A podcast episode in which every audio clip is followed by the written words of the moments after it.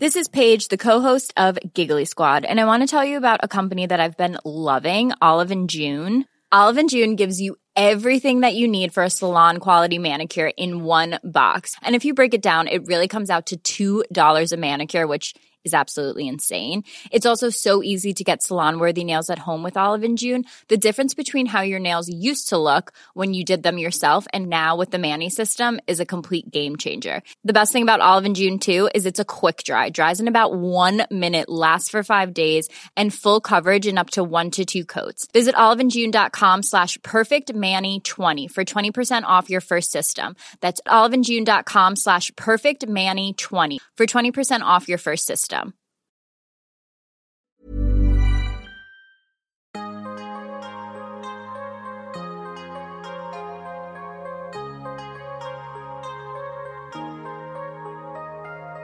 Vores mentale sundhed er nedadgående. Og det er til trods for, at vi aldrig har været rigere, aldrig har haft flere muligheder og aldrig har levet længere. Det skal vi tale om. Vi skal tale om de ting, der er relateret til vores mentale sundhed, som fylder hos os. Min erfaring er, at når vi taler højt om de ting, så opdager vi, at der er mange andre, der også bøvler med lignende ting. Vi kan lære af og inspirere hinanden ved at dele vores sårbarheder, erfaring og viden. Velkommen til Vores Mentale Sundhed, en Mindcare Collective podcast, hvor vi taler om store og små ting, der fylder i livet, relateret til mental sundhed. Jeg hedder Lia Hellmann. Som I nok kan gætte, så er det ikke helt gratis at lave podcasts. Hvis I kan lide det, I hører i podcasten her og gerne vil høre mere, så er I selvfølgelig altid meget velkommen til at støtte projektet ved at donere et valgfrit beløb via MobilePay til nummeret, I finder i tekststykket under det her afsnit. Selv en tier gør en forskel. I dag har jeg besøg af Morten Finger, ekspert i mobilafhængighed. Jeg taler med ham om, hvordan smartphone og de sociale medier påvirker vores mentale sundhed. Jeg håber, at du vil lytte med. Velkommen til, Morten Finger. Tak. Jeg er rigtig glad for, at du vil være med i dag i vores mentale sundhed, en Mindcare Collective podcast. Morten, i dag der skal vi tale om vores smartphone ja. og om sociale medier. Og om, hvordan de her to ting de øh, påvirker vores mentale sundhed. Det er et emne, der er rigtig spændende, og som er ret skræmmende, og som er enormt relevant for den verden, vi lever i i dag. Og så er det meget relevant for vores mentale sundhed, som den her podcast jo handler om. Inden vi dykker ned i det, Morten, så vil jeg gerne lige starte med kort at introducere dig. Ja. Morten, du har en Ph.D. i psykologi. Ja. Du er klinisk psykolog. psykolog og specialist i psykoterapi. Og specialist i psykoterapi. Ja. Og så er du ekspert i digital afhængighed. Og i den forbindelse, der har du skrevet bogen, Når mobilen tager magten, ja. som jeg i den grad kan anbefale folk at læse. Den bekræfter jo faktisk de her bange anelser, vi har. Jeg, øh, jeg har glædet mig til at tale med dig i dag, fordi jeg jo om nogen er en, der bruger min telefon meget. Og jeg bruger den både til praktiske ting, men jeg bruger den også til sociale medier. Det kan jeg ja. komme udenom at indrømme. Og her til en start, hvis der, jeg skal ind på telefonen for ja. at købe ind på nemlig, jeg skal klare en eller anden praktisk ting. Ja. Og før jeg ved det, så har jeg brugt et kvarter eller 20 minutter på at lave alt muligt andet, ja. end det jeg egentlig skulle. I din bog, når mobilen tager magten, så er du inde på den evolutionære forklaring på, hvorfor smartphonen og især sociale medier har så meget magt, ja. som de har i dag. Ja. Kan du ikke fortælle lidt om det, Morten? Jo, det, det, den helt korte forklaring, det er, at vi skal, for at kunne overleve på savannen, så skal vi være nysgerrige. Hvad sker der lige om hjørnet? Hmm. Det vil sige, at jeg er næsten parat til at ville holde øje med, er der noget nyt? Er der noget, jeg skal orientere mig omkring? Noget, der kan fange ens øh, opmærksomhed? Det er den ene mekanisme, og den anden, det er, at vi skal holde os knyttet til vores gruppe. Begge ting tilfredsstiller telefonen på en og samme tid. Holde sig knyttet til gruppen via de sociale medier, og det der med at være nysgerrig, hvad sker der derude? Fordi det betyder enormt meget for ens overlevelse, at man ved, hvad der sker, mm. og at gruppen er der, fordi det er den, man bliver beskyttet af. Så faktisk så handler det i bund og grund biologisk om, at vi gerne vil overleve. Det er overlevelse. Alle hvad skal man sige, dyrs øh, organisme eller nervesystem handler om overlevelse mm. og reproduktion. Kan du ikke fortælle lidt om, om de her greb, som udviklerne af smartphones og sociale medier bruger helt lavpraktisk for at trigge de her ting i os? Jo, altså det, igen det der med, at man skal sådan tænke, at vi har levet de, stort set hele vores liv på savannen, og der skulle vi overleve. Og det gjorde vi ved at holde øje med, hvad var der farligt, og hvad var der godt. Og dernæst skulle vi så være i vores stammefællesskab, fordi stammen beskyttede os mod overgreb, og det var også der, man fandt sin ægtefælle, eller sin, den, der blev ens mage. Så de, de ting ligger så dybt i vores nervesystem, det kan vi ikke komme udenom. Mm. Og det er så det, dem, der udvikler produkter til telefoner eller de sociale medier, de er meget bevidste om, hvad det er for nogle mekanikker eller knapper, der skal trykke på i vores hjerne, for at vi gør det, vi er det programmeret til at gøre. Når vi kigger på telefonen for eksempel, ja. så er der den her røde farve, ja. som uh, notificerer os om, at der ja. er noget, du skal kigge på. Hvad er det, den røde farve gør ved vores hjerne? Den, den ligger meget dybt evolutionært. Den betyder to ting. Den betyder både fare, fordi rød det er blodet, som pumper ud af kroppen, og den er også det, der betyder modenhed, eller friskhed, eller sundhed. Så der er dobbeltheden i det, men mest er det attraktivt. Rødt mm. er attraktivt. Og selvom der er den her dobbelthed, altså med attraktivitet og ja, fare, så er det ja. i hvert fald noget, der tiltrækker Absolut. vores øh, ja. hjerne. Ja. Og derfor det kan være smart nogle gange at slå de der notifikationer fra. Og farverne fra. Ja. Jeg har hørt, det er meget besværligt øh, på telefonen at ja. finde ind til, hvor ja. man faktisk kan slå ja. dem fra. Ja. Men det skulle være en, en fordel at gøre, hvis man vil Absolut, være mindre. så mister den meget sin øh, magi. Ja. ja. Og hvad med lydene, de her plinglyde? Er det det, det samme? Absolut, du kan ikke frafiltrere lyde. Så det kommer ind i hjernen, og så bliver nødt til at orientere dig. Det kræver virkelig mental træning at lukke lyde ude, men orientere sig mod lyd. Mm. Igen for at ja. være på vagt. Ja, ja. Så helt evolutionært, så har smartphonen og sociale medier bare magt over os. Ja, du kan ikke fravælge det. Mm-mm. Morten, nogle gange, når jeg bevidst prøver at lægge telefonen væk ja, fra mig, ja, ja. Øhm, for eksempel er klokken 14, og så siger jeg klokken 20, må jeg kigge ja. på min telefon igen, ja. så kan jeg få sådan et, ja, nærmest et lille prik af savn, eller sådan, som ja. om jeg mangler et eller andet. Ja. Hvad er det, der sker i mig der, når jeg, når jeg nærmest føler, uh, der er et eller andet, jeg mangler at gøre? Altså, det, det er jo ligesom en, en dobbelthed. Det, det oprindelige mekanismen, det er, at mennesket sparer mest energi på at være i dvale, eller bare ligger og vegetere. Så man skal give belønning for at få mennesket til at gå ud. Det er det, der ligger i ordet motivation. Og derfor skal den give den belønning for at få folk til at bevæge sig. Så det der med, at man bliver belønnet for at være nysgerrig på, hvad sker der med familien, eller hvad sker der ude i samfundet. Så hvis man bare rækker ud efter telefonen, så får man belønning for at være nysgerrig og for at holde fast i familien. Så min hjerne og jeg bliver faktisk belønnet af at kigge ja, på ja. den her telefon? Ellers vil du ikke gøre det. Uden belønning i hjernen, så vil du ikke gøre handlingen. Belønningshormoner, det er dopamin og det er dopamin, jeg får frigivet, når ja. jeg kigger på telefonen. Ja. Så når jeg føler det her prik af savn i hvert fald, ja. så er det fordi, jeg forventer en eller anden form for belønning, ja. når jeg kigger på telefonen. Ja, og belønningsglæde er den største. Det der med, at man, så når man er på vej til noget, at, at på vej til at åbne en gave, så er der størst belønning. Når man har åbnet gaven, så er belønningen den er nærmest nul. Og så er det, man crave efter den nye belønning. Og det er det, der er så underligt i, at når man først har fået tingene, så, så skal man begynde et nyt ting for at få udskilt dopamin i hjernen, og det bliver sådan nærmest sådan et kapløb fordi man kan aldrig få tilfredsstillet sit begær, medmindre man træner det modsatte, som buddhisterne gør. Buddhisterne de siger, at begæret det er umætteligt, så man skal træne sin hjerne til at slippe begæret og sige, jeg behøver ikke den nye bil, jeg behøver ikke den nye jakke, jeg behøver ikke den nye smartphone. Og hele industrien er afhængig af, at man hele tiden begærer noget nyt. Og buddhisterne, eller det er også dem, som er minimalister, siger, at vi skal slippe forbruget, fordi lykken ligger egentlig at være knyttet til sin familie, at gøre det regelmæssigt stabile, ikke ja. hele tiden være på jagt. Og være til stede nu ud og ja. have de der nære ja. relationer. Det giver en meget stærkere lykkefølelse. Ja, så det du taler om her er den der forventningens glæde, ja. altså ligesom når små børn eller vi selv glæder ja. os til jul, så er det ja. faktisk glæden i løbet af december er næsten større. Den er meget større. Forventningen om, der skal ske noget godt, er meget stærkere i nervesystemet. Det giver meget mere dopamin, end at få selve belønningen. Hænger det også sammen med det her med, at man siger, at, at rigdom og penge, det til en vis grad gør dig glad, ja. men ligesom når du når et vis niveau, ja. så bliver du ikke mere glad Nej, af det. Så der er ikke uh, ligefrem proportionalitet i penge og, og lykke. Lykken, det er det, der lykkes i det nære, sammen med sin familie, og man egentlig føler sig en del af gruppen. Og jo flere penge man får, jo mere giver man lykke ved at købe ting, men jo mindre lykke oplever man, fordi lykken stadig er bundet i, i det nære fællesskab. Det er det, du har den mest stabile, stærke, dybfølte lykke. Er der studier, der også viser det? Jeg ved, at buddhisterne siger det, men er der også studier, der viser det? Ja, de samfund, der har størst tilknytning til hinanden, for eksempel katolske samfund, har meget mindre øh, selvmord og meget større livstilfredshed, eller der, hvor man er bundet til hinanden, der er meget større lykkefølelse. Interessant. Ja. Morten, som du kan høre, ja. så synes jeg, det kan være svært at lægge min telefon væk. Ja. Jeg synes, den ja. fylder rigtig meget i hverdagen, selvom jeg egentlig er, er bevidst om, at den ikke er super god for mig, så ja. synes jeg stadig, at jeg har brug for den, eller jeg kommer i hvert fald til at bruge den. Ja. Du taler om det her afhængighedsbegreb. Kan du ikke lige sætte nogle ord på det? Det, det, er, det er jo både retvisende og vildledende afhængighed, fordi vi er programmeret til at gøre en bestemt type adfærd for at overleve. Og det er så det, at smartphone betjener sig af. At, kan man være afhængig af at overleve? Kan man være afhængig af at sove? Både ja og nej. Hvis vi ikke gør det, så bliver vi syge.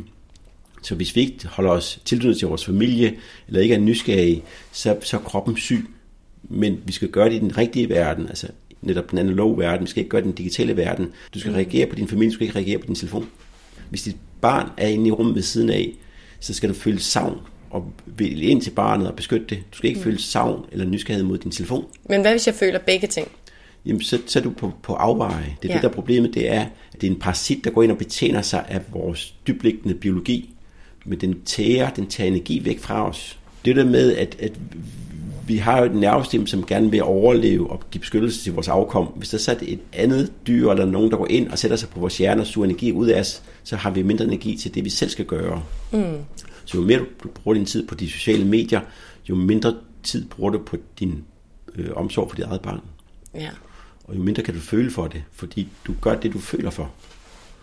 Okay, så det vil sige, når jeg kommer til, og selvfølgelig giver jeg også mine børn rigtig meget fokus, og jeg ja. fokuserer meget ja. på det her, og ikke at bruge telefonen, ja. men alligevel kommer jeg til det nogle gange. Men hvis jeg så gør det for meget, eller mere og mere, så kan jeg faktisk komme til at føle mindre for mine børn.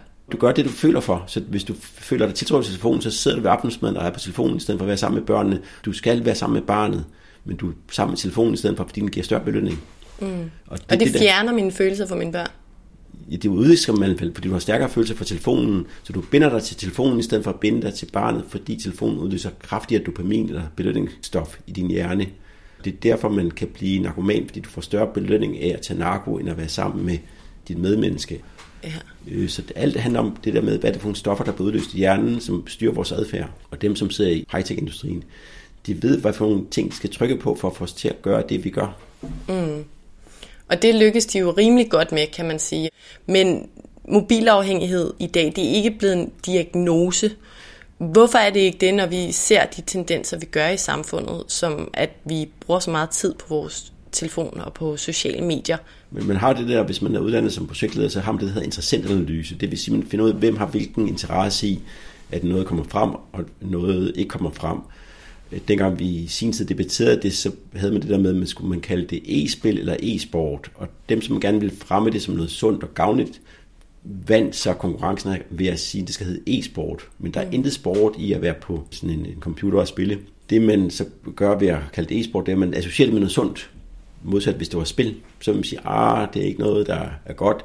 Det er noget underholdning, det er fornøjelse. Det kan måske være noget, der gør, at du bliver mere doven eller øh, inaktiv. Så er der faktisk nogle kapitalistiske kræfter på spil, når vi ikke har gjort det til en diagnose at være mobilafhængig, på trods af, at det er sådan et stort problem, som det er i dag. Altså, det er hele samfundsøkonomien, der er hængt op på, at vi skal være forbrugere.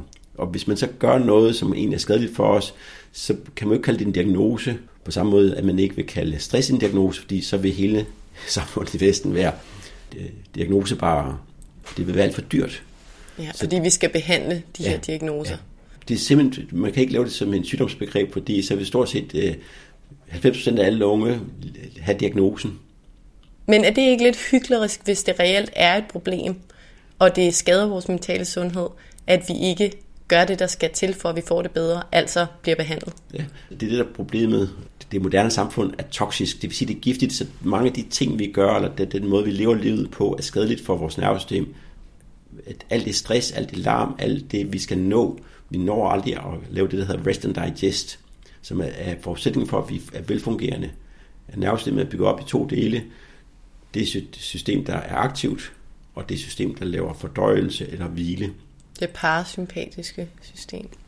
Exactly. Og Vesten er hele tiden på, at vi skal videre. Vi skal komme i mål. Vi skal lave projekter. Mm. Vi skal øh, have mere værdi. Mm. Vi skal forrente ting. Og vi kan ikke tåle det. Børn kan ikke tåle ikke at være sammen med deres nære familie. Børn kan ikke tåle ikke at bevæge sig. Børn kan ikke tåle at være roused af deres telefon hele tiden.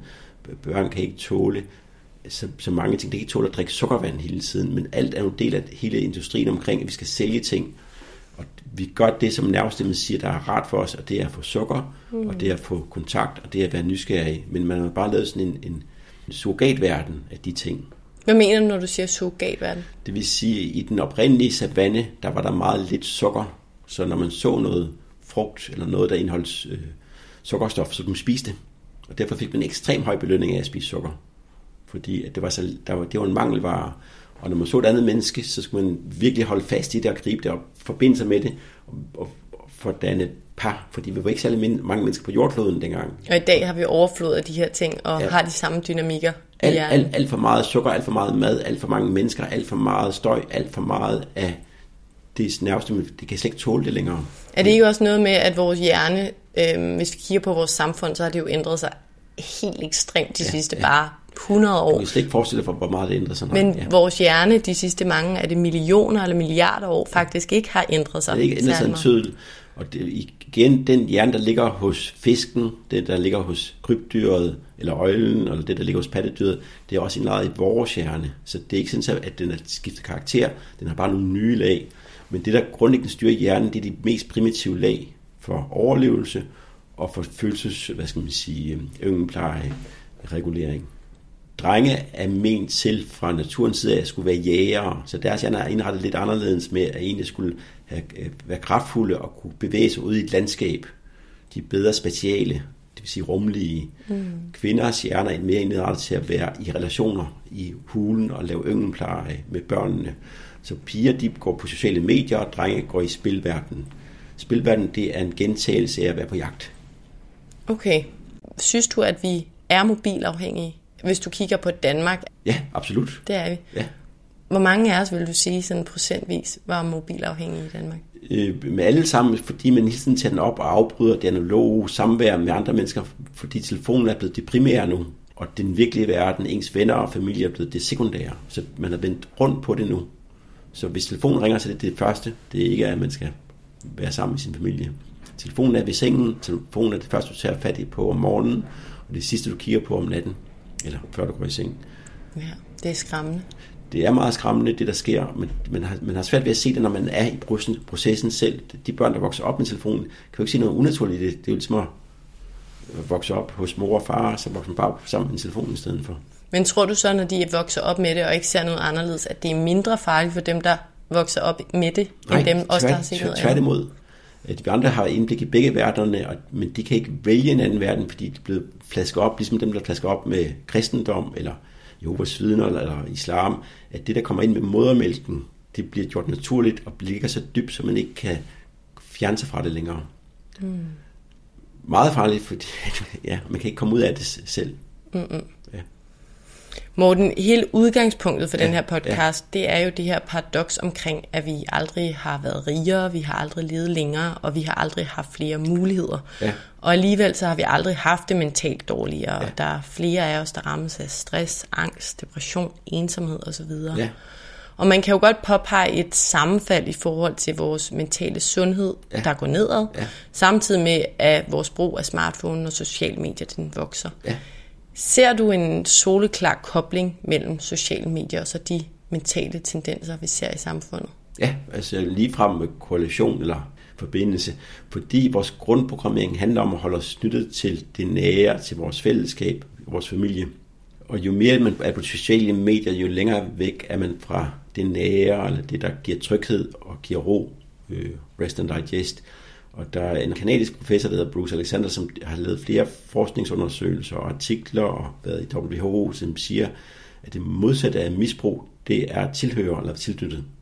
Så hvis man er ordentligt tilknyttet og elsker sin familie og er egentlig blevet ordentligt stimuleret kærlighedsmæssigt og omsorgsmæssigt og øh, hvad skal man sige, blive, blive sansestimuleret, så vil man helst ikke være på de sociale medier, eller man vil helst bare leve den rigtige verden. Men jo mere man så mangler menneskelig kontakt, menneskelig omsorg, menneskelig nysgerrighed, menneskelig opmærksomhed, jo mere vil man så søge det på nettet. Så det bliver den, en, den onde stedmor. Vil det sige, at folk, som har haft en, lad os sige, vokset op i en dysfunktionel familie, eller ikke har fået udviklet et stærkt selvværd, ja, ja. at de bliver mere negativt påvirket af sociale medier, ja. end folk, der har et godt selvværd og en god mental balance. Ja, det er meget fint formuleret. Altså dem, børn, der vokser op hos ressourcestærke forældre, som giver omsorg og nærvær og validering og kærlighed, de har ikke nogen problemer med at, at bruge det, og de vil måske meget hellere være ude at sejle eller spille musik, fordi det giver en meget dybere tilfredshed at kunne tingene selv. Du skal ikke kunne noget som helst på de sociale medier, eller når du spiller, der bliver du ligesom bare underholdt. Mm. Øh, og jo lavere selvværd du har, jo mere har du brug for at vise din gruppe, se, at jeg har det godt, se, at jeg er noget værd, fordi du er så bange for at blive ekskluderet, fordi at det er det, der er dobbeltheden af vores, angst, eller vores nervesystem, det er, vi vil gerne tilhøre gruppen, og så skal man være værdifuld for gruppen. Det vil sige, at man skal performe noget for gruppen. Og det, man frygter, det er at blive ekskluderet fra gruppen. Men Morten, hvis vi ser det på den her måde, ja. som jeg synes giver rigtig god mening, ja. og vi ser en ungdom, hvor ja. der er flere og flere, der ja, har stress og depression ja. og angst, og der er jo rigtig mange af dem, der er på sociale medier, og hvis de her to ting hænger sammen, ja. vil det så sige, at vi har en ungdom, som har et dårligt selvværd? Og hvad er så hønen og ægget i det her? Får de det af sociale medier, eller fik de det før ja. af deres opvækst for eksempel, og så bliver det fremdyrket af sociale medier? Ja. Altså det er jo det der med, at det moderne samfund er toksisk. Det er skadeligt for barnets ved og vel. At barnet, at det, det, det en hjerne skal kodes, og den skal kodes med omsorg, beskyttelse, nærvær, kærlig kontakt, validering, og så stimulering, så bliver det et sundt nervesystem. Og hvis det så mangler, fordi forældrene er for travlt, så vil det søge zone for nærmeste opmærksomhed, eller zone for nærmeste et eller andet. Og det er mange gange, øh, hvad skal man sige, den digitale verden, og så bliver det fejlkodet. Men når de først er kodet, så er det meget svært at lave om på kodningen. Mm. Det er det, jeg sidder og ser ind i psykiatrien, at alle dem, der ender i psykiatrien, de er på en eller anden måde blevet omsorgssvigtet, eller mobbet i skolen, og der er ikke nogen, der hjælper dem. Der er ikke nogen voksne i nærheden. Og så det, de kan gøre, det er ligesom at prøve at performe på nettet i stedet for. Men er der også en sådan en midtergruppe? Jeg tænker, at der er mange, der egentlig har det mentalt okay, og har nogle fine liv og nogle fine selvværd. Selvfølgelig kan man altid snakke om, at man kan have et stærkere selvværd, men som alligevel bliver påvirket af sociale medier. Altså er der ikke en midtergruppe, eller skal du have været i en dysfunktionel nej, familie for at blive påvirket? Men det, det der problemet, du bliver god til det, du bruger tid på. Så i stedet for at bruge tid på at være en, en rigtig god ven for din ven, eller god til fodbold, eller god til musik, så bruger du tid på at være på, på de sociale medier, eller at game, så bliver du god til ingenting. Og så det, det handler om at balancere sin brug? egentlig ikke at balancere, men egentlig finde ud af, at det ene er såkaldte tomme kalorier, som ikke gør dig noget godt, og det andet, den analoge verden, det gør dig grundlæggende godt, fordi der bliver du bedre, der bliver dit nervesystem trænet, og din krop bliver trænet. Det handler om at dyrke den analoge verden, ligegyldigt om du bevæger dig, spiller musik eller har venner. Alt det, du gør i den analoge verden, det er noget, der er dybfølt for nervesystemet, fordi det er det autentiske, det rigtige, det vi er kodet til at gøre. Det digitale er surrogatverden, det er alles eventyrland, det er, det er et troldspejl. Mm. Lad os tale lidt om søvn, Morten. Ja, Noget ja. sådan øh, lidt mere håndgribeligt i ja. forhold til det mentale i hvert fald. Ja. Du nævner i din bog det her med, hvor vigtig søvn faktisk er for vores mentale sundhed, og hvor dårlig smartphone er for vores ja. søvn. For eksempel så skriver du det her med, at ingen vil tage en slikpind med i seng og lulle sig i søvn på om aftenen, men en slikpind er for tænderne, som smartphone egentlig er for søvnen, at ja. den giver huller og et dårligt helbred. Ja. Kan du ikke lige forklare den her kobling mellem det blå lys og arousal og vores søvn, jo. og så de her mentale sygdomme som stress, angst og depression? Jo, altså igen, evolutionært set, så er vores, har vi sådan et døgnur indbygget i hjernen, så når det er lyst, når solen er oppe, så er vi aktive og udskiller adrenalin, der gør, at vi er aktive. Når så solen går ned, så dæmpes øh, hvad skal man sige, øh, mængden af adrenalin i vores blod, og så får vi udskilt det, der hedder melatonin, som gør, at vi bliver søvnige og sover. Og det hænger sammen med sollyset. Så hvis man så sidder om natten eller om aftenen og sidder på skærmen, så vil den udstråle lysbølger, som svarer til solens lys, og så tror den hjernen, at det er dag, og så udskiller den adrenalin i stedet for, og, og lader være med at udskille melatonin. Det er den ene ting. Og den næste, det er, at det arouser hjernen, så når du stimulerer hjernen med aktiviteter, så er den jo tændt, så den ikke ved at sove. Og jo mere du ser på, øh, ting på nettet, jo mere rouser hjernen, jo mere tænder den op, og så tager det lang tid, før den falder til ro. Og så får du dårlig søvnkvalitet, fordi hjernen den egentlig er overaktiv. Øh, og det er skadeligt, for hjernen skal restituere. Den skal sove. Og hvordan er den her sammenhæng mellem lidt søvn og så sygdomme som stress, angst og depression? Hvis man så bliver søvndepriveret eller ikke får sovet ordentligt, så vil kroppen jo aflæse sig selv og finde ud af, er der noget, der er farligt, og så vil den ligesom sige, der er far på færre, så vil den tænde angstsystemet og sige, du skal simpelthen finde ud af, hvad der er galt, og så gør det det rigtige igen, men man ved ikke, hvad der er det rigtige. Så man bliver bare mere og mere udmattet, og hvis man er udmattet, så siger den, så er det fordi, du mangler energi, så begynder folk at overspise, og så begynder de at tage på i vægt, eller de begynder at, at få dårlige immunforsvar. Kroppen fungerer ikke uden den der hvad det, livsnødvendige søvn. Så den laver en masse fejlmeldinger, og den kan ikke finde ud af, hvordan den skal løse fejlmeldingerne, fordi det grundlæggende bare handler om søvn. Så når jeg sidder som den øh, pligtopfyldende person, jeg er, jeg ja. er sådan, jeg tror godt, jeg kan kalde mig selv kontrolmenneske ja. på godt, men bestemt ondt. også på ondt. Så øh, om aftenen vil jeg godt lige være up to date med, hvad der skal ske i morgen. For eksempel ja. tjekker jeg lige min mail for sådan, åh, hvad er det nu, jeg skal ja. have styr på i morgen, så jeg ligesom kan forberede mig mentalt til det. Det er så en rigtig dårlig idé. Ja, fordi du arouser systemet. Du fylder det med nye informationer, hvor du egentlig skulle gå over i rest and digest programmet. Og der skal man gerne være uden påvirkning i to timer, før man egentlig sover. Hvad skal man gøre i sådan et travlt liv? Nu mit seneste job var et konsulenthus, ja. hvor jeg tit sad om aftenen foran skærmen ja. og fik lavet de der sidste slides færdige. Hvad skal jeg gøre i et liv for at få det balanceret, hvis jeg skal til gode se, at jeg ikke skal se på den skærm om aftenen? Det er det, der er problemet. Det kan du ikke, og det er derfor, jeg vælger at kalde vores moderne liv toksisk, for det er skadeligt. Det kan godt være, at du kan tåle det i et vis antal år som ung menneske, men alle nervestemmer vil brænde ud af det fysiologisk. Der, der er ingen, der kan tåle det på lang sigt, det der, der sker nu. Kigger du selv på din skærm om aftenen, inden du sover? Jeg er bevidst om, når jeg gør det, og så ved jeg, at jeg skal bruge tid på at kompensere. Jeg er meget øh, fysisk aktiv. Jeg går til svømning og løb, og jeg sørger for hele tiden at modvirke det toksiske. Så hvis jeg har været på skærmen om en aften, så ved jeg, at næste dag så er der en regning, jeg skal betale. Og hvis jeg ikke betaler den nu, så huer den sig bare op i nervesystemet. This is Paige, the co-host of Giggly Squad, and I want to tell you about a company that I've been loving, Olive and June. Olive and June gives you everything that you need for a salon quality manicure in one box. And if you break it down, it really comes out to $2 a manicure, which is absolutely insane. It's also so easy to get salon worthy nails at home with Olive and June. The difference between how your nails used to look when you did them yourself and now with the Manny system is a complete game changer. The best thing about Olive and June too is it's a quick dry, dries in about one minute, lasts for five days, and full coverage in up to one to two coats. Visit oliveandjune.com slash perfect Manny 20 for 20% off your first system. That's oliveandjune.com slash perfect Manny 20 for 20% off your first system. Hiring for your small business? If you're not looking for professionals on LinkedIn, you're looking in the wrong place. That's like looking for your car keys in a fish tank. LinkedIn helps you hire professionals you can't find anywhere else, even those who aren't actively searching for a new job but might be open to the perfect role. In a given month, over 70% of LinkedIn users don't even visit other leading job sites. So start looking in the right place. With LinkedIn, you can hire professionals like a professional. Post your free job on linkedin.com slash people today.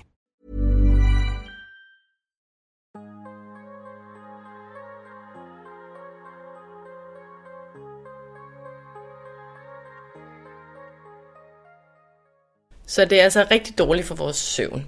Øhm, Udover at det er dårligt for os mentalt, som ja, vi også har været inde på.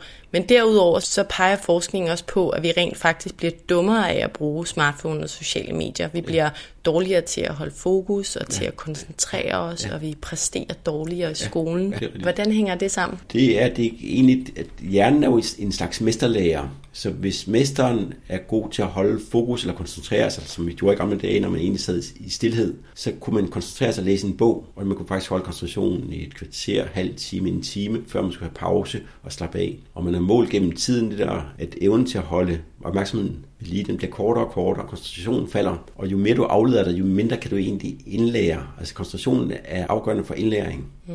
Så, så vi bliver dårlige til at fokusere, og derfor dårligere til at lære ting. Ja, hvis den hele tiden bliver afledt, så indlærer den ikke noget som helst. Men så bliver den så får den udløst dopamin i stedet for. Og det er jo noget, som sociale medier og smartphone generelt er Absolut. mester til. Ja, altså det, at aflede vores opmærksomhed. Det er det, der er problemet med at have telefonen eller øh, hvad det, digitale øh, hjælpemidler i skolen. Det får hele tiden børnene til at tænke på noget andet noget, end at, at lytte eller lære i skolen. Så det er en rev i hønsegården med alt det, der hedder digitalitet i, i folkeskolen. Det, det er dybt vanvittigt, at man gør det. Hvorfor er der så den her strømning, der siger, at digital læring er er okay og er vejen frem? Jamen, det er jo fordi, man så gerne vil købe visionen om, at, være, at de tingene skal blive bedre og hurtigere. Man har købt ind på budskabet, at, at vi kan vinde kapløbet mod de andre, hvis vi bliver digitaliseret. Det er en vision i Danmark, at vi vil være de bedste, altså de første til at gennemdigitalisere alting, også folkeskolen. Så du mener altså, at der er nogle langsigtede konsekvenser, som vi ikke helt forstår endnu? De har taget en beslutning på et uoplyst grundlag, og nu begynder man så at se konsekvenserne af det. Der er flere og flere skoler, der siger, at vi forbyder simpelthen telefonen i undervisningen, fordi den forstyrrer det, og der er lavet flere undersøgelser, som også er med i bogen i England, hvor meget man forbedrer karaktergennemsnittet ved at forbyde telefonen. Så ja, PISA-test viser igen, at de lande, der har meget digitalitet i deres klasselokale, de har dårligere performance på dansk og regning osv., og, og de, de klasser eller de skoler, der ikke har det, de har meget bedre performance. Og helt lavpraktisk, ja. altså jeg kender jo for mig selv, når jeg sidder for eksempel ja. og arbejder, og egentlig er jeg en, vil jeg selv sige, ret flittig person, og når jeg sidder og koncentrerer mig, og lad os sige, jeg laver de her slides, ja. så kan jeg lige se telefonen ud af øjenkrogen, og det er som om, så hånden bare lige rækker ud og automatisk går ind på de her sociale medier, og så kan jeg mærke, at jeg netop bliver belønnet med den her lille pause. Ja. Og der hjælper det mig at lægge den helt væk. Altså jeg skal ligesom have den uden ja. for, for rækkevidde. Ja. Er det det, vi skal gøre? Altså vi skal lægge den væk? Ja, øh, det skal ligesom sammenlignes med cigaretter eller øl eller narko, fordi det ligesom overtager styringen af vores hjerne. Og vi er, ikke, vi er ikke længere her i eget hus. Vi kan ikke lade være med at gøre det. Men det er ikke noget, der hjælper os. Nej, så det, vi er nødt til at være meget disciplineret selv omkring brugen. Ja, på samme måde som man egentlig har lavet forbud mod cigaretter og forbud mod alkohol mod unge mennesker, fordi man kan ikke lade være med, altså når man først har gået ind den vej, så det er svært at stoppe det.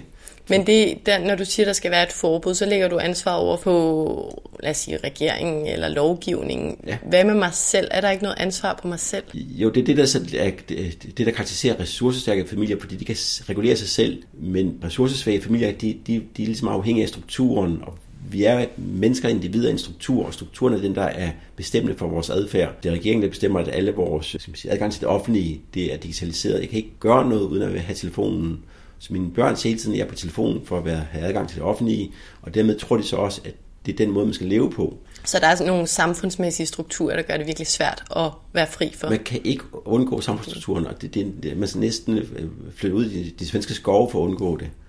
Det lyder lidt som om, det er en slags dødsdom. Altså, der, der er ikke rigtig noget, vi kan gøre. Det, hvad det forringer vores livskvalitet, forringer den mentale sundhed, det forringer vores lykkefølelse. Men skal vi bare acceptere det som privatpersoner? Nej, vi skal kæmpe for, at vi fokuserer på mental vækst, mental velstand, mental harmoni, i stedet for materiel vækst, materiel velstand. Øh. Sådan, så vi bliver robuste til ligesom at så vi fuldfører vores livspotentiale, det er egentlig, at vi skal tage vare på det gode liv, og det gode liv, det er at spise lækker, sund mad, og bevæge os, og sove, og være sammen med vores familie eller vores børn, det vi elsker. Det, det er det, vi gerne vil have. Så nu har vi talt om det her med, at for eksempel vi sover dårligere, og vi bliver dummere af smartphone og sociale medier. Lad os ja. tale lidt om det relationelle, Morten. Ja. Ja. Vi har jo fået et samfund, hvor folk både alene og i samvær med andre bruger deres mobiltelefoner meget og vi interagerer hele tiden enormt meget med mange mennesker på sociale medier. Hvordan påvirker det vores relationer? De udtyndes jo, altså i gamle dage havde man jo sin familie, man ligesom var knyttet til, og det, det gjorde man alt for at beskytte og være lojal overfor, og så havde man også nogle familier, hvor man havde hinanden, men dybest set er vores nervesystem bygget op til at knytte os til vores børn og familie, der får udskilt oxytocin, kærlighedshormonet eller tilknytningshormonet. Så jo mere du udvander den ting, jo mindre føler vi os forbundet. Og den manglende forbundethed giver følelsen af utryghed, ulykkelighed. Så at føle sig forbundet med andre mennesker, det sådan grundlæggende og dybt forbundet, det er godt for vores lykkefølelse. Det, det er helt grundlæggende for vores nervesystem, at vi er gruppedyr. Vi kan ikke tåle at leve alene. Det er meget få mennesker, der kan være eremitter og bo for sig selv. Og det er derfor, at telefonen den hele tiden lokker os i, i ufør ved at sige, at du er forbundet ved at være på telefonen. Det er du bestemt ikke. Du er forbundet ved at være sammen med dine venner og dine børn. Og det er der, hjernen giver belønning for den rigtige adfærd. Så igen det der med, at det er en parasit, der kobler sig ind på systemet og suger energi ud af det, så vi ikke kan give det til vores egne børn og vores egne venner. Og de føler sig tilsvarende ulykkelige over, at de ikke får den rigtige opmærksomhed og den rigtige tilknytning eller den rigtige berøring. Ja, fordi det med tilknytning, opmærksomhed og berøring, hvis jeg for eksempel er sammen med to venner, lad os sige ja. det, og vi sidder og snakker, ja. og en af os tager telefonen op og begynder ja. at tjekke et eller andet. Ja. Hvad, hvad får det os to andre til at tænke, ud over at vi kan tænke, det var da lidt irriterende, hvad sådan helt øh, biologisk føler vi så? Ja, men så nervesystemet har jo en hel masse automatreaktioner, det tavse nervesystem, det er kun ganske lidt, du erkender af det, og den, den, den føler sig afvist, føler sig ikke set, ikke mødt, ikke accepteret. Det er ligesom det, der er blevet handelsvaren ude på nettet nu, det er opmærksomheden. Og industrien gør jo alt for at få opmærksomheden til at sælge produkter, men vores nervesystem er bygget til at få opmærksomhed af en anden og give kærlighed og beskyttelse, omsorg og forståelse. Det er den analoge verden, det er den rigtige verden. Ja, så, det så vi skal pakke den telefon væk i ja, sociale sammenhæng. Den bliver, den bliver kæbret øh, og perverteret af, af, industrien. Hvad med, jeg har også tit tænkt om det her med kedsomhed, ja. øh, både i forhold til mig selv ja. og mine børn, ja. Og andre børn, der er lidt ældre end min egen. Ja. Det er jo nemt, når man keder sig at kigge på en skærm. Ja. Er det sundere at kede sig, end at kigge på en skærm? Absolut, fordi at kedsomhed egentlig bare betyder, at du har mulighed for at øh, lave rest and digest eller vegetere, men vi har ligesom kognitivt bildet masser af folk ind, at kedsomhed er spildtid, men ikke at lave noget af vores grundtilstand, det er at være i rest and digest. Så det, det, den skal vi få øje på igen, at jo mere jeg ikke laver noget, jo bedre er det faktisk.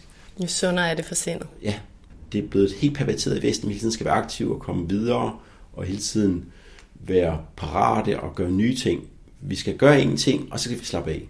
Mm. Sådan er vores grundprogrammering. Og hvis du laver hvad det, overgreb mod det, så bliver vi stressede, og så bliver vi til sidst udbrændte. Så du bør altså lave et system for dig selv, hvor du husker at rest og digeste, ja. som du er meget inde på. Jeg laver hvad skal man sige, mini-meditationer, altså på, på 3 sekunder, eller på 5 sekunder, eller på 5 minutter, og også på halv time. Jeg kan også sidde to timer og få hjernen til at falde til ro og give slip. Give slip.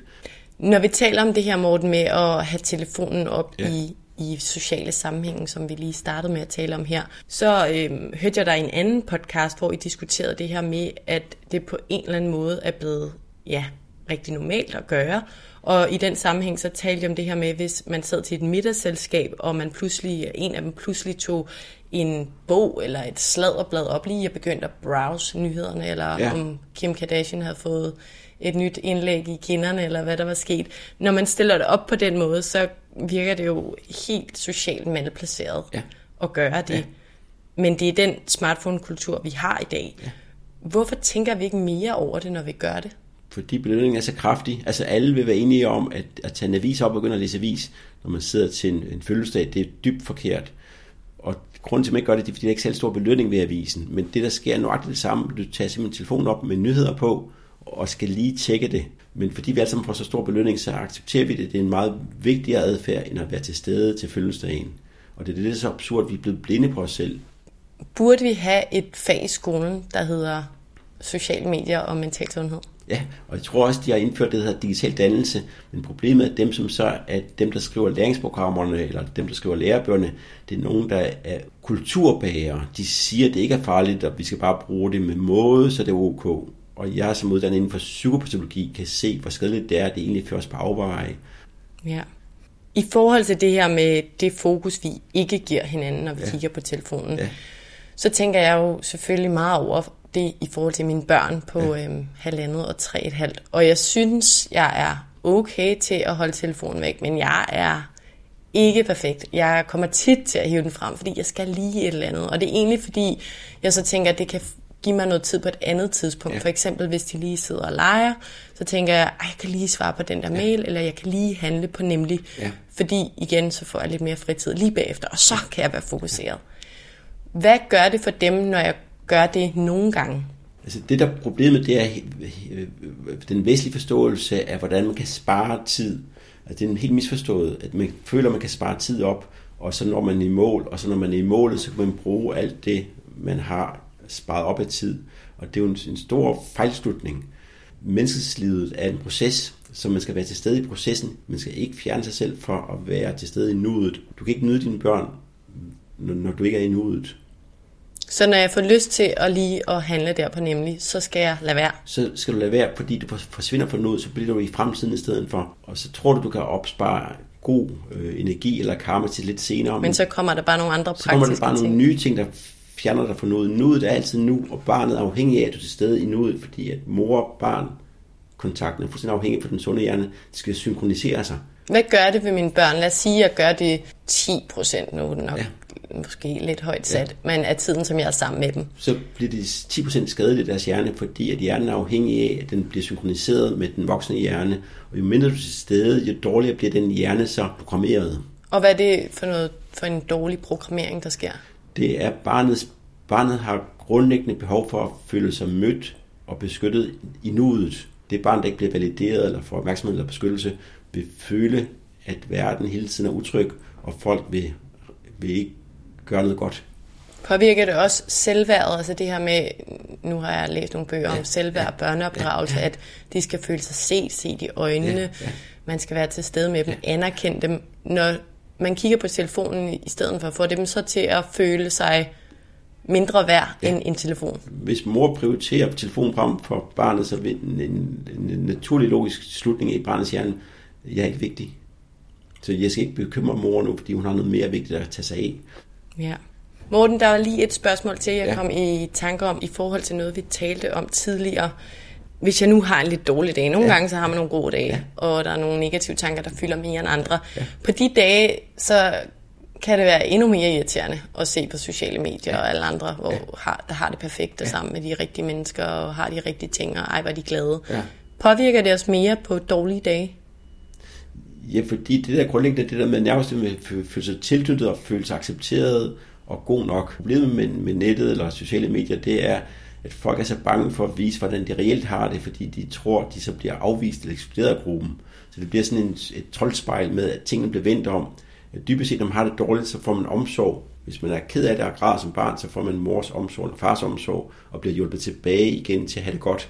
Mm. Men ude på nettet, så tror man faktisk det modsatte tilfældet, at hvis jeg ikke har det godt, så vil gruppen ikke have mig. Og derfor viser man et vrangbillede af sig selv, og bliver bange for, at hvis jeg nu har det dårligt, så er jeg ikke med i gruppen længere.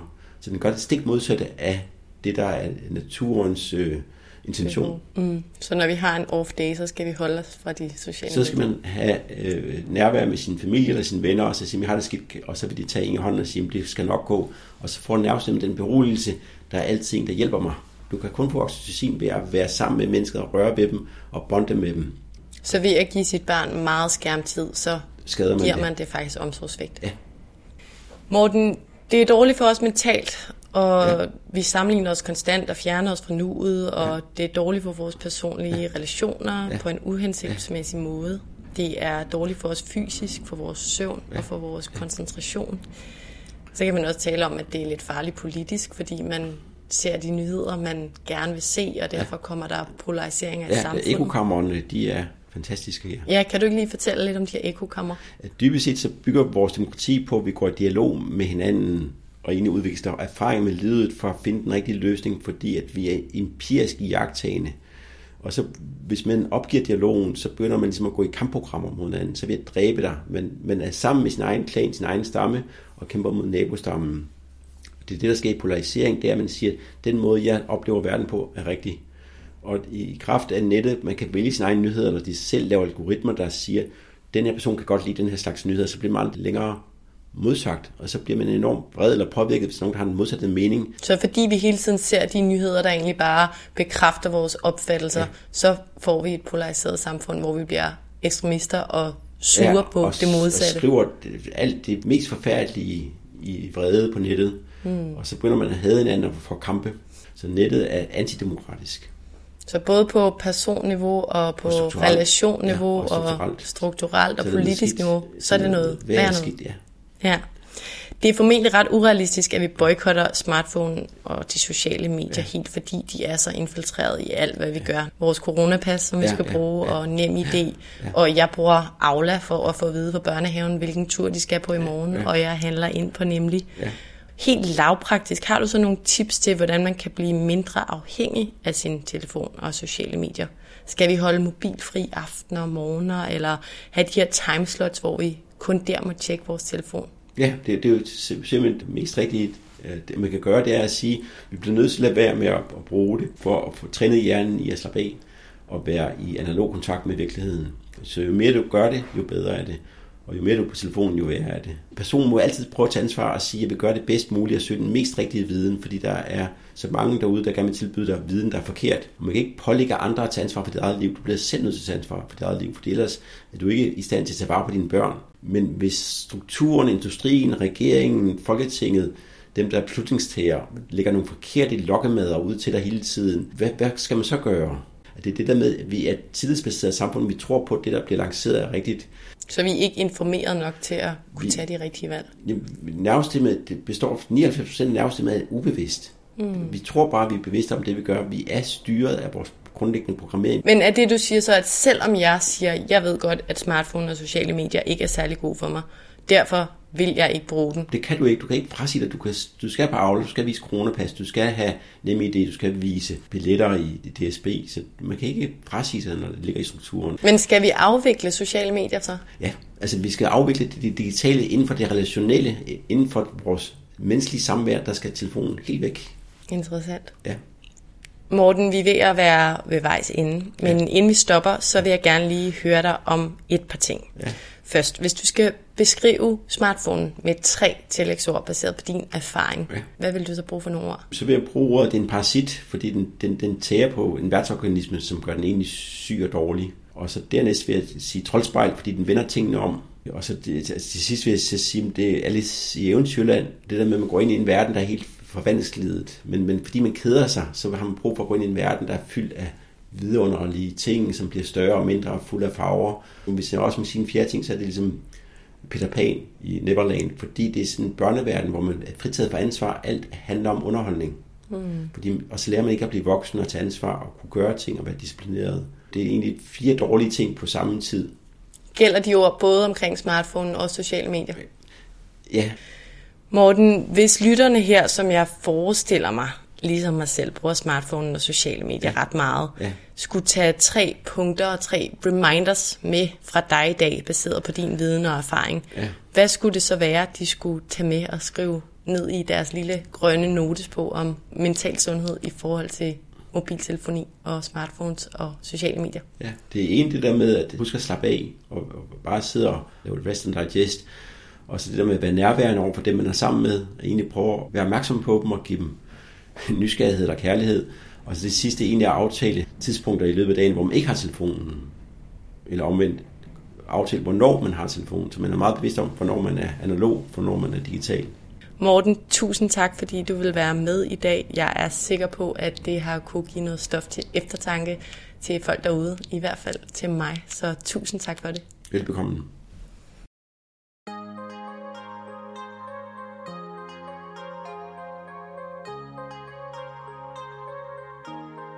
Jeg synes, at snakken med Morten Finger i dag var interessant, fordi han forklarer, hvorfor og hvordan det påvirker os, når vi bruger vores telefon og sociale medier.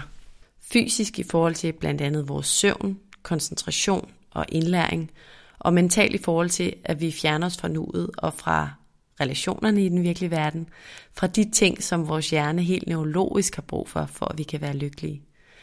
Man kan selvfølgelig udfordre Morten i hans udelukkende kritiske syn på digitaliseringen, for vi skal selvfølgelig huske, at den trods alt er skyld i en masse positiv udvikling i samfundet. Vi kan komme i kontakt med en masse mennesker og viden i dag, som vi ikke kunne før. Spørgsmålet er bare, hvilken pris vi betaler for det. Det jeg i hvert fald synes, vi skal tage med os, er bevidstheden omkring, hvordan de her ting påvirker os, og hvor meget magt de faktisk har over os. Vi skal huske at give vores hoved tid til at slappe af, til at kede sig og til at lade op. Og vi skal huske det, vi har hørt i dag, når vi per automatik rækker ud efter telefonen for 27. gang på samme dag. Spørg os selv, hvor afgørende det er, at vi kigger på telefonen lige der.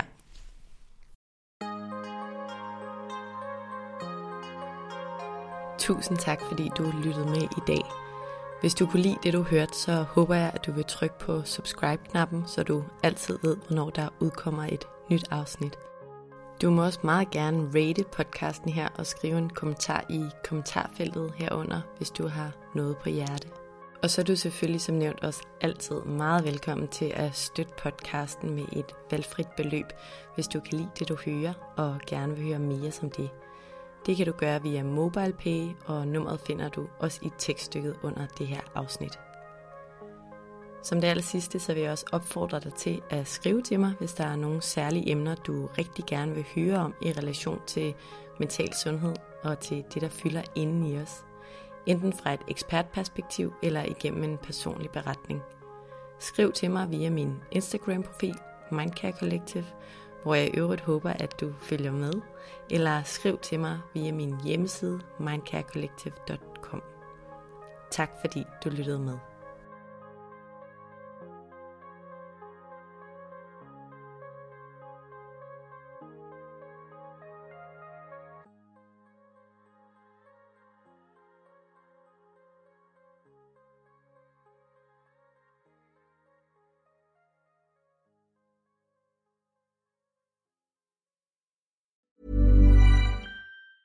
Even on a budget, quality is non-negotiable. That's why Quince is the place to score high-end essentials at 50 to 80% less than similar brands. Get your hands on buttery soft cashmere sweaters from just 60 bucks, Italian leather jackets, and so much more.